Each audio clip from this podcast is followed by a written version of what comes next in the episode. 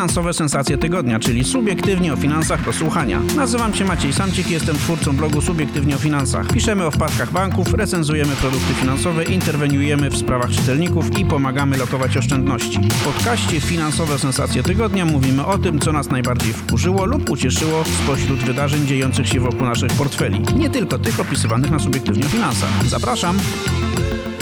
Kochani, witam Was serdecznie w kolejnym odcinku podcastu Finansowe Sensacje Tygodnia.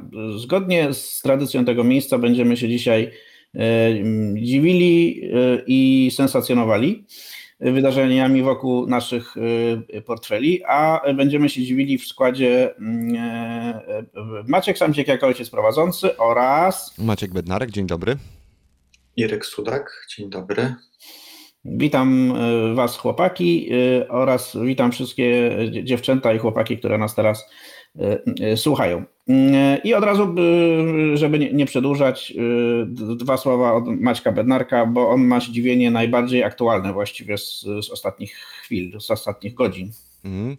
Tak, zdziwienie to jest dobre słowo. Mm, mamy już od wczoraj, czyli od środy, mm, tarczę 4.0, a w niej wakacje kredytowe 2.0. No już od tych y, kropek zer i liczb się y, no, możemy trochę, trochę pogubić. O co chodzi? No, y, rząd to jest, to jest zdziwienie. Mm, wakacje kredytowe były takim pierwszym, pierwszą akcją pomocową chyba i to akcją, która nie wyszła od rządu, a od bankowców. Troszkę to był taki y, odpowiedź na apel prezydenta, że, że no należy tym kredytobiorcom, którzy mają jakieś y, kłopoty, stracą pracę albo y, zarabiają po prostu mniej Y, żeby ich w jakiś sposób odciążyć od odpłacenia rat. No i banki odpowiedziały dość szybko, przygotowały taką akcję, mm, także można sobie odroczyć y, na 3 miesiące, w niektórych bankach na 6 miesięcy, albo ratę pełną, czyli kapitał i odsetki, albo tylko kapitał. Banki to różnie robiły. Yy, no okej, okay. akcja yy, przygotowana, jak, jak przygotowana. Za chwilkę jeszcze słowo na ten temat. Yy, Związek Banków Polskich podał, że no, no blisko milion, milion kredytobiorców się skusiło na, na te wakacje. No, nie są idealne, ponieważ no, jeżeli coś dzisiaj, czegoś dzisiaj nie, nie, nie zapłacimy, no to to nam przechodzi na koniec harmonogramu, czyli płacimy odsetki i od y, w czasie, kiedy, kiedy tak naprawdę mamy te wakacje, ale potem musimy te odsetki zapłacić jeszcze później. No generalnie y, te wakacje um, kosztują, tak?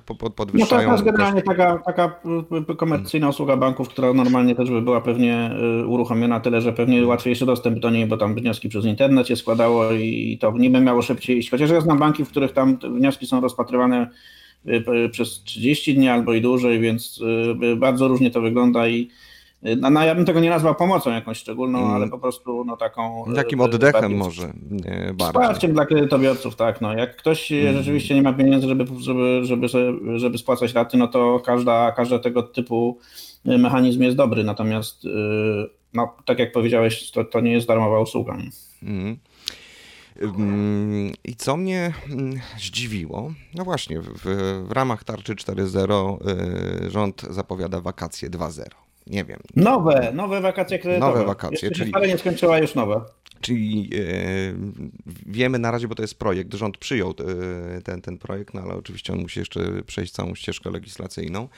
No i teraz, no fantastyczne wakacje, tak, bo będzie można je, będzie można spłatę odroczyć o 3 miesiące maksymalnie o 3 miesiące, ale rząd tutaj obiecuje, że bank nie pobierze żadnych odsetek, żadnych opłat. Yy, yy, także no, o niebo lepsze warunki niż, niż w bankach. Ale są, kto za to zapłaci? Wiadomo, kto za to zapłaci? To, będą, to, to, to, to, będzie finansowane przez rząd, czy rząd po prostu uchwali jakąś ustawę, że bankom nie wolno pobierać pieniędzy za to? Mm, na razie ta druga opcja wchodzi w grę, bo o pierwszej nic nie wiemy. No to są na razie ogólniki, ale wiemy, że, bo o ile w tej tarczy bankowej było tak, że banki mm, stawiały warunek, no musisz w jakikolwiek sposób udowodnić, udowodnić, że, że, że przez pandemię pogorszyła się twoja sytuacja, ale banki chyba i tak patrzyły na to troszkę tak przez palce.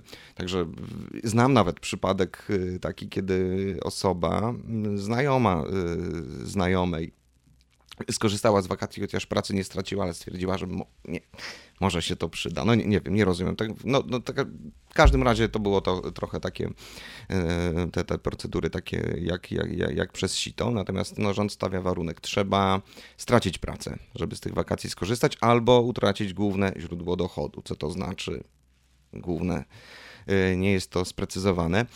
I e, kolejnym warunkiem jest to, że no, będą promowane tutaj kredyty hipoteczne, ponieważ yy, rząd nie chce pomagać e, takim krótkoterminowym kredytobiorcom, czyli kredyt musiał być zaciągnięty przed 13 marca, czyli przed wprowadzeniem tych wszystkich restrykcji ale y, jego y, zakończenie, tak, zapadalność tego kredytu musi nastąpić y, po 6 miesiącach od 13 marca, czyli no mniej więcej w połowie, w połowie września. Czyli, czyli chwilówki nie wchodzą. Nie wchodzą chwilówki, właśnie nie wchodzą tutaj chwilówki. No okej. Okay. No ale to dość, powiem szczerze, że to jakby jeśli bierzemy pod uwagę tylko ludzi, którzy stracili pracę lub główne źródło dochodów, no to tu z definicji, o ile ta pierwsza tarcza była w zasadzie dla, dla każdego, tak jak powiedziałeś, chociaż tam z kilkunastu milionów ludzi, którzy mają długi w bankach, skorzystało milion, więc też powiedzmy, że nie każdy. No to tutaj z definicji dostępność będzie y, dlatego tam, nie wiem, pewnie góra miliona y, y, klientów, bo bo mówią, y, że y, eksperci, że będziemy mieli wzrost bezrobocia do, do końca roku z obecnego poziomu, nie wiem, pół miliona ludzi do milion trzysta, milion pięćset, niektórzy mówią, więc powiedzmy sobie szczerze, że jeśli tutaj będzie parametr pod tytułem utrata pracy po, y, po początku lockdownu, no to, to, to będzie dość mocno ograniczona liczba osób, która będzie mogła z tego skorzystać. Mnie dziwi to, no dlaczego akurat w tym momencie rząd e, z, tą, e, z tymi wakacjami wyjeżdża. No skoro banki już obsłużyły milion klientów, właśnie pytanie, czy, czy to jest tylko takie, takie działanie troszkę pod publiczkę, no bo no jeżeli milion osób skorzystało, no to jak gdyby potencjał tych, tych kolejnych e, zainteresowanych wakacjami może się już po prostu wyczerpać, więc to będzie po prostu taka sztuka dla sztuki. Proszę, ma, mamy tutaj dla Was taki super produkt. Mm, dziwi mnie to, dlaczego rząd nie, nie dogadał się z bankowcami na samym początku. Yy, to jest taka jak gdyby gra yy, dwóch drużyn do jednej bramki, tak? Jeden cel, ale, mm, ale z tego co ja wiem, usłyszałem w środowisku bankowym, bankowcy przygotowują jakiś produkt y, właśnie związany z wakacjami ma, ma to być ujednolicenie ofert, czyli y, banki coś przygotowały, teraz chcą coś poprawiać, rząd y, robi swoje wakacje kredytowe bez konsultacji z bankowcami, bo, bo oni się no, trochę, trochę zdziwili tą propozycją. Yy, więc jestem, jestem, jestem zdziwiony takim, takim chaosem. Nie wiem, jak to rozumieć. Czy to jest, czy to jest właśnie taka mm, gra pod publiczkę, a może faktycznie rząd zauważył, że no za chwilkę pewnie, pewnie yy, czerwiec, lipiec, no to będą się kończyły te, te wakacje bankowe. No i no co zrobić, jeżeli ktoś w tym czasie stracił pracę, tak? Albo y, pogorszą mu się, y, pogorszy się sytuacja finansowa. Czy to jest, czy to jest właśnie gra pod publiczkę, czy to jest rzucenie drugiego koła ratunkowego?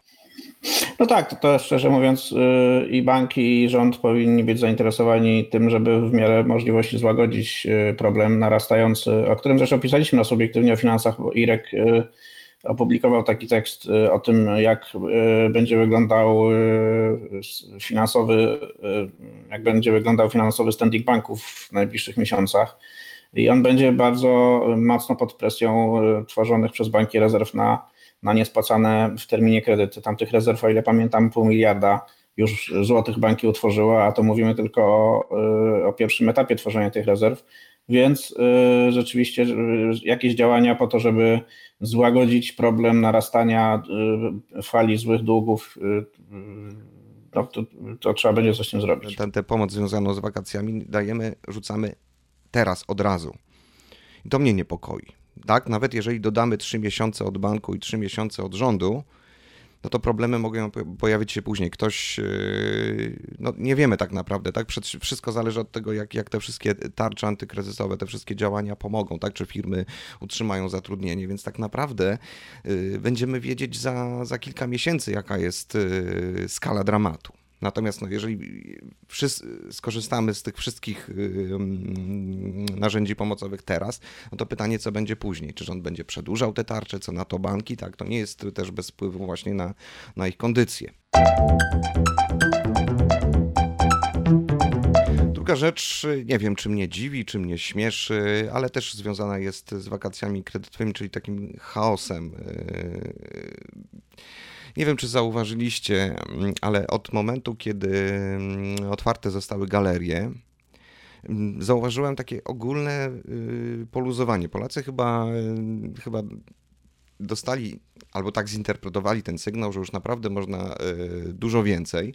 Ja mam dużo zastrzeżeń oczywiście, y, kwestia tych maseczek, no ludzie po prostu, y, nie wiem, gdzieś, jeżeli pojedziecie na prowincję, no to ludzie się z tego śmieją, tam, nie wiem, połowa, połowa ma, y, nosi maseczki, to w sklepach, te maseczki noszone są na brodach, czyli po prostu to jest pic na wodę, ja to słyszę po prostu od, od ludzi, od znajomych, że po prostu noszę dla, dla świętego spokoju, tak, to maseczka pełni rolę antymandatową chyba w tym momencie.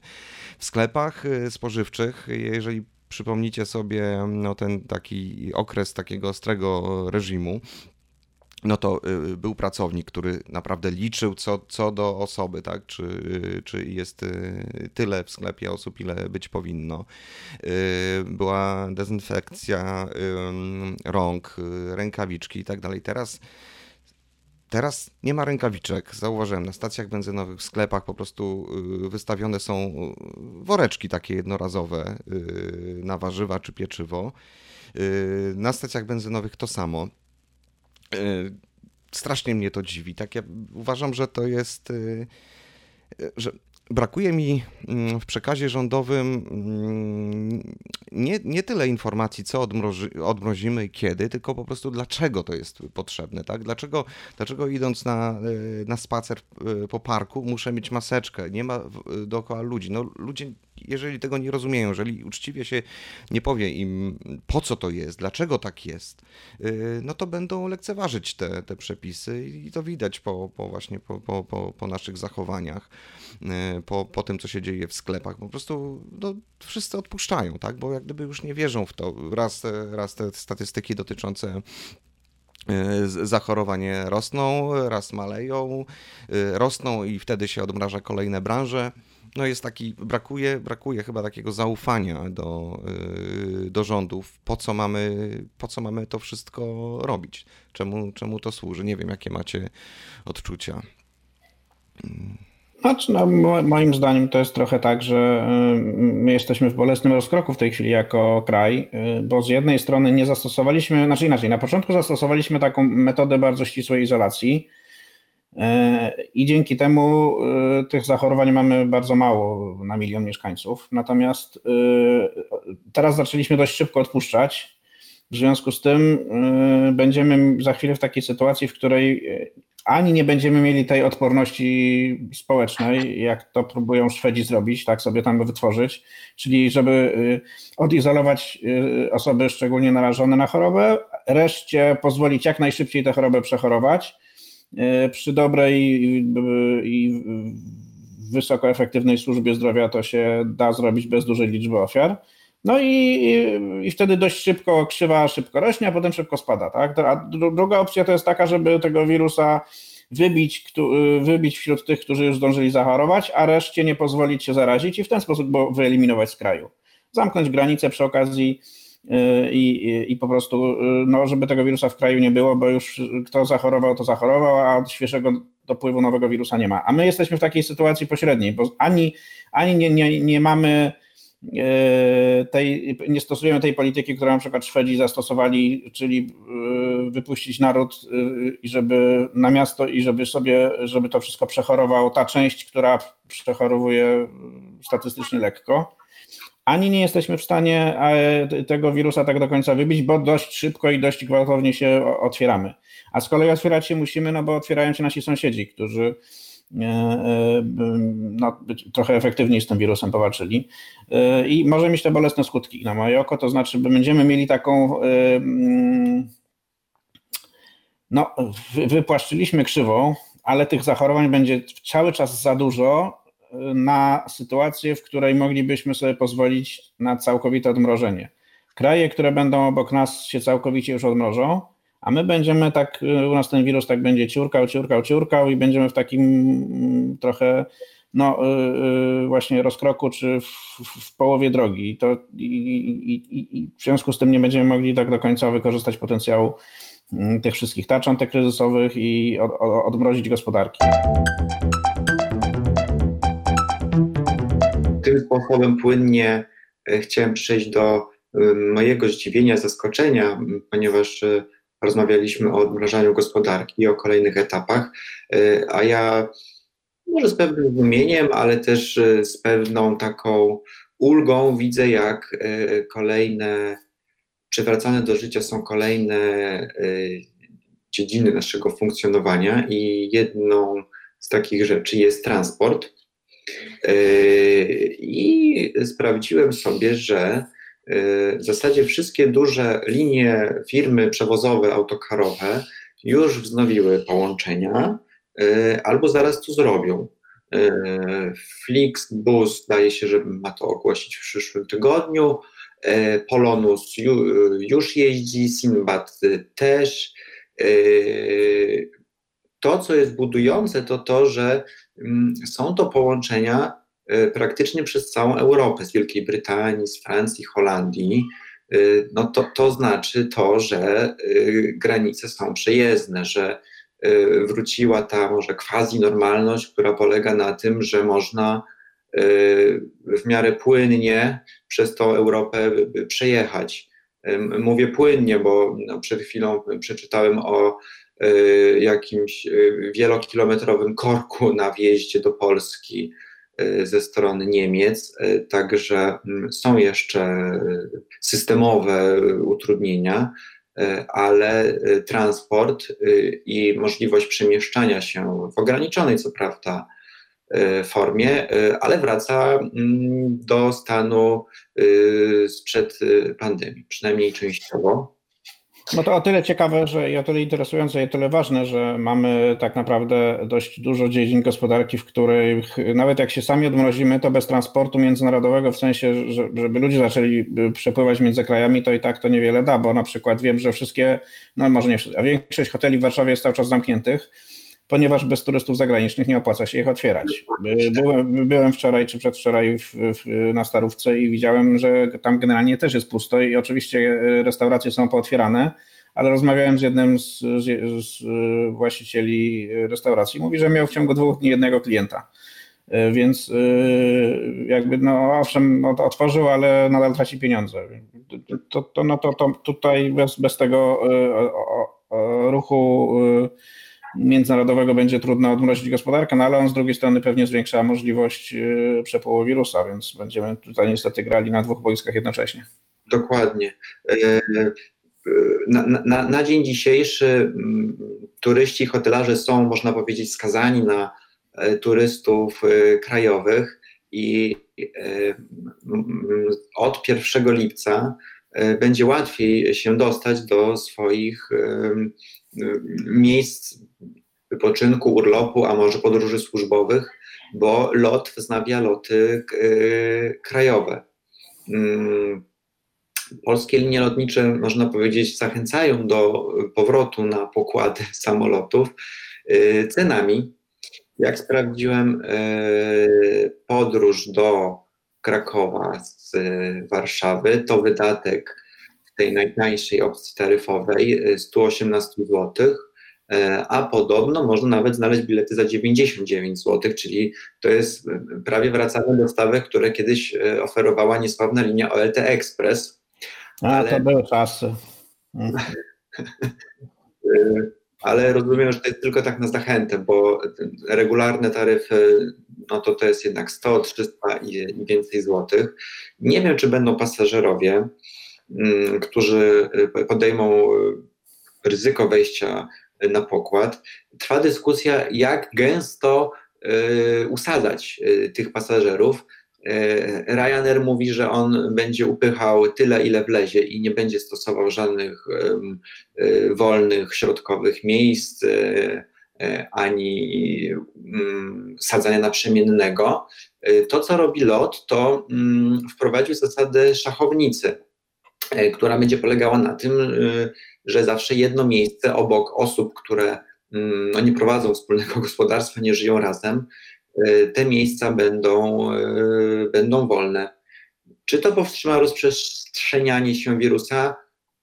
Trudno powiedzieć. E, skoro i tak ludzie będą tłoczyć się w kolejce do odprawy czy do kontroli osobistej, kontroli bezpieczeństwa raczej, która i tak będzie moim zdaniem dużym czynnikiem ryzyka, no bo jeżeli y, jedna osoba, jeden strażnik będzie musiał y, no, jednak y, sprawdzić pod kątem bezpieczeństwa, nie wiem, kilkudziesięciu, kilkuset pasażerów dziennie, jeżeli tyle będzie chętnych na lot, no to to będzie strasznym, moim zdaniem, czynnikiem ryzyka rozprzestrzeniania się wirusa. No właściwie po każdej kontroli musiałby y, zmieniać rękawiczki. Proszę, a żeby zmieniać rękawiczki. tak, jest to, jedna, jest to jedna z możliwości, ale y, widzę oczami wyobraźni te gigantyczne kolejki, które się wtedy będą tworzyć Y, co będzie y, zniechęcać y, do podróży. Czyli z jednej strony mamy niskie ceny, chęć wrócenia do normalności, a z drugiej strony lęk przed koronawirusem, no i te mm, utrudnienia proceduralne związane z reżimem sanitarnym, które do podróży zniechęcają.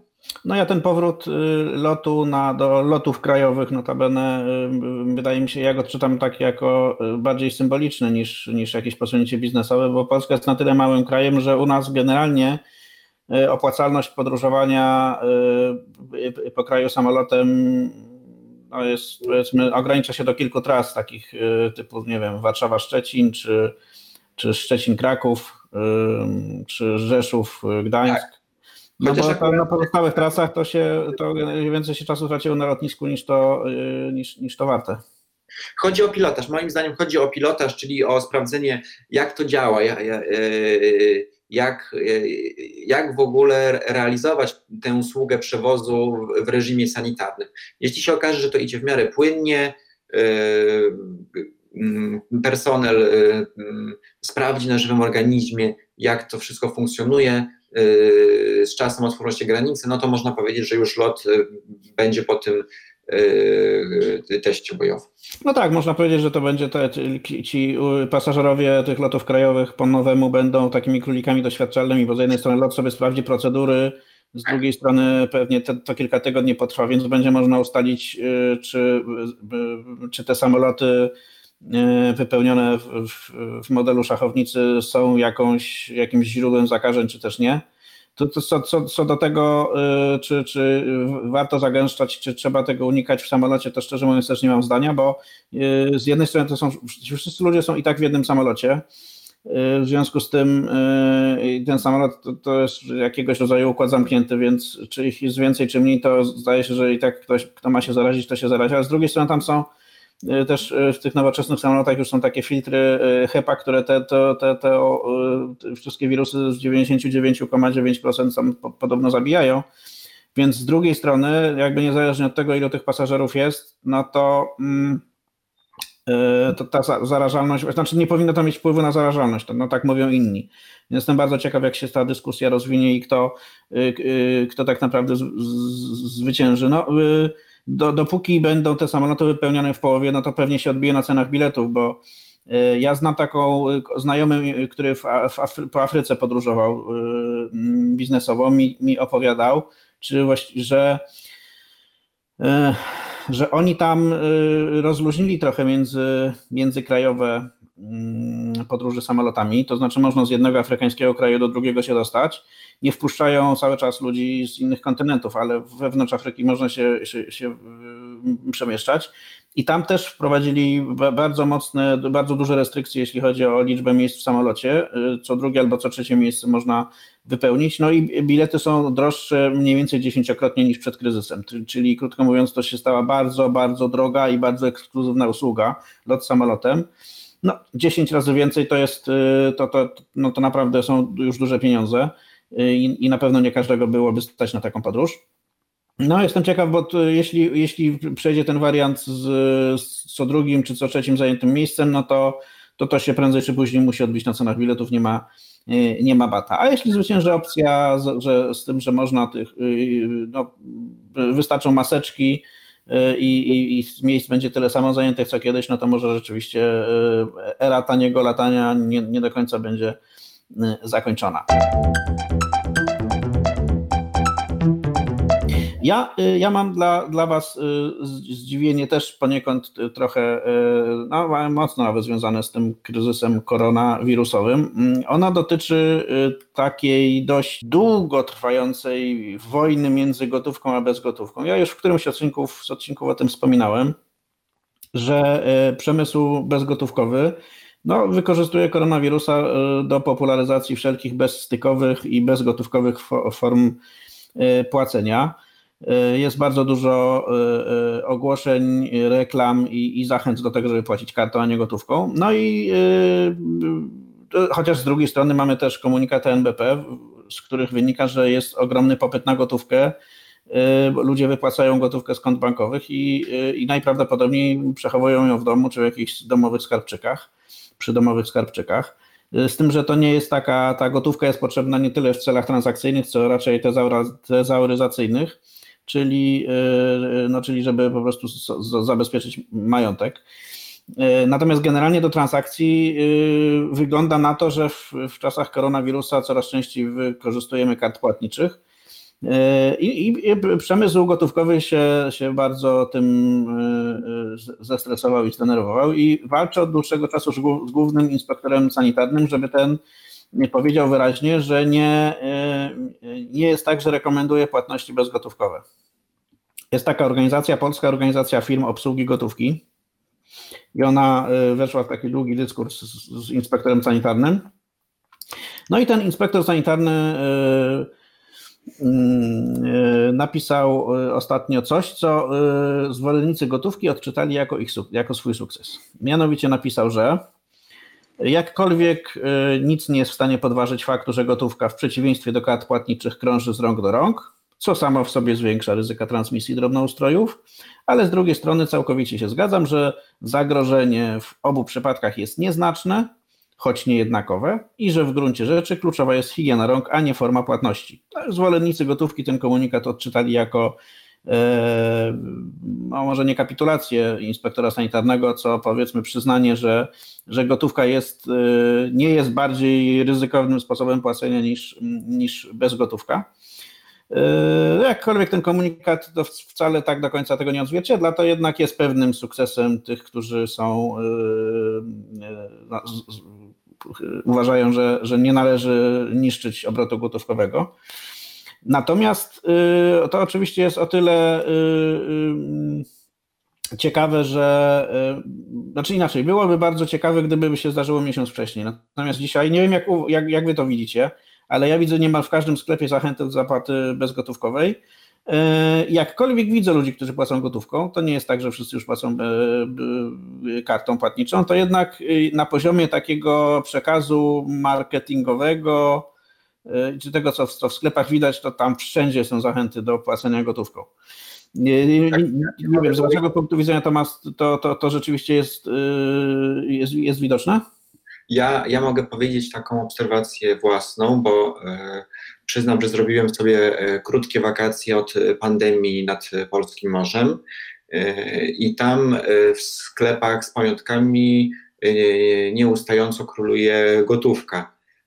E, także mm, kilka razy musiałem odwiedzić bankomat, wypłacić kwoty, żeby wrócić, prawda, czy, czy, czy z magnesikiem, czy z jakąś maskoteczką. To panie nie, nie, nie, nie, nie są wyposażone w terminale płatnicze i chyba nie zamierzają, mm, szczerze mówiąc. Także z... Nie czują się bardzo zagrożone tym, że muszą tak. dostać gotówką w czasie pandemii. Absolutnie. Myślę, że nie chcę powiedzieć, że to są enklawy, ale e, są miejsca, gdzie gotówka ma się e, całkiem dobrze. Moje, mhm. moje obserwacje, e, tak, jest, jest taka zmasowana akcja. Wszędzie jakieś karteczki polecamy, zachęcamy do płacenia do płacenia e, bezgotówkowo, ale nie zauważyłem, żeby tak obserwując klientów przy kasach, żeby, żeby tutaj nagle karty stały się jakimś, jakimś, jakimś hitem. Jest tak samo. Część płaci kartami, część gotówką. Hmm. No, y, to, y, to yy, zobaczymy, jak to będzie wyglądało w danych, bo to są nasze takie obserwacje mało, powiedzmy, miarodajne mimo wszystko. Natomiast ja też mam podobne, to znaczy tam, gdzie, zwłaszcza w mniejszych miejscowościach, gdzie rządziła gotówka, tam nadal rządzi, a tam, gdzie rządzą karty, czyli w dużych sklepach, w dużych miastach cały czas rządzą karty i, y, i tutaj stan gry się w niewielkim stopniu zmienia, aczkolwiek bardzo jestem ciekaw danych, które będą o, o, o liczbie transakcji bezgotówkowych w najbliższych kwartałach. No, na koniec jeszcze, y, na koniec mam jeszcze coś y, nie, niekryzysowego, y, rodzaj interwencji tak naprawdę. Napisała do mnie czytelniczka, która jest klientką PZU, ma tam u, u, ubezpieczenie od nieszczęśliwych wypadków w tej firmie. No i taki nieszczęśliwy wypadek jej się zdarzył. Ten nieszczęśliwy wypadek polegał na tym, że pani zemdlała na schodach, upadła, no i sobie trochę zrobiła krzywdę. E, pani wystąpiła o e, odszkodowanie, o ile pamiętam, nie, nie, nie bardzo wysokie, bo to chodziło tam o 1500 czy 200 e, czy, czy 2000 zł. Myślę, że firma ubezpieczeniowa by nie zbankrutowała od tego. Natomiast ubezpieczyciel od, odmówił wypłaty, powołując się na to, że, że jakby nieszczęśliwy wypadek to jest i to jest coś, co wynika z przyczyny zewnętrznej. To znaczy, że y, jeśli ktoś zemdlał, w związku z tym się potłukł, to nie jest to przyczyna zewnętrzna, bo jego omdlenie było wewnętrzne. Y, było wewnętrzne, tak, było w, w jego jestestwie, w związku z tym nie jest przyczyną zewnętrzną i, y, no i odszkodowania nie ma. Ja powiem szczerze, że od strony takiej stricte literalnej, no to się może i trzyma mm, sensu, ponieważ to można przyjąć takie założenie, że jak ktoś omdlewa, to nie jest to przyczyna zewnętrzna w sensie stricte, ale też z drugiej strony wydaje mi się, że, że firma PZ postępuje dość bezdusznie, bo yy, no bo to, to nie jest taka oczywista sytuacja, że ktoś próbuje naciąć, naciągnąć, oszukać, wyłudzić, tylko mówimy o sytuacji, w której ktoś naprawdę się potłukł, naprawdę doznał czegoś, co można nazwać nieszczęśliwym wypadkiem przy odrobinie dobrej woli i, a, a, e, i rzeczywiście poniósł z tego tytułu szkodę i rzeczywiście opłacał składkę przez długie lata, więc mm, e, powiem szczerze, że trochę nie rozumiem postawy firmy ubezpieczeniowej, zwłaszcza największej na rynku, zwłaszcza polskiej, narodowej, która nie powinna się skupiać wyłącznie na tym, żeby wycisnąć z Polaków jak największych, jak największych pieniędzy, tylko, no, jak sądzę, ma jakąś misję do spełnienia no to trochę mnie to, powiem, zmierzwiło szczerze, bo, bo nie lubię takich sytuacji, w których mamy firmy ubezpieczeniowe i w ogóle firmy różne, bo to w różnych branżach się dzieje, każdą taką wątpliwość, niejasność, rozbieżność, nieścisłość wykorzystują na niekorzyść klienta i na swoją korzyść. Z drugiej strony no, liczę na to, pewnie ta sytuacja, te, ten, ten przypadek znajdzie też swoje, swój mm, kawałek przestrzeni na, na subiektywnie o finansach, ale także tą drogą chciałbym do ubezpieczyciela zaapelować o to, żeby się tak nie zachowywał, bo, bo jednak y, szlachectwo, a logo PZU jest niewątpliwie emanacją szlachectwa, zobowiązuje. Zwłaszcza w trudnych czasach, kiedy ludzie e, e, naprawdę potrzebują pieniędzy i, e, i, i mamy, jesteśmy w, prze, w przededniu kryzysu, recesji. No zobaczymy, jak to długo potrwa, ale, ale pewnie ten rok jeszcze nie będzie zbyt przyjemny i następny też może, może niekoniecznie pod względem finansowym i dla naszych portfeli. No to tym spostrzeżeniem chciałbym zakończyć ten odcinek podcastu. Żegnamy Was bardzo serdecznie i życzymy miłego tygodnia. Do zobaczenia, raczej do usłyszenia, jeśli chodzi o podcast wkrótce, ale aczkolwiek zapraszamy na stronę Subiektywnie o Finansach, gdzie możecie nas czytać i zapraszamy też na nasz kanał YouTube'owy, gdzie można nas oglądać. Dzięki serdeczne za dzisiaj i do usłyszenia. Maciek Samcik. Maciek Bednarek. Mirek Sudak. Do zobaczenia. Usłyszenia. Inne odcinki tego podcastu znajdziesz na stronie Subiektywnie o Finansach www.subiektywnieofinansach.pl. Zapraszam.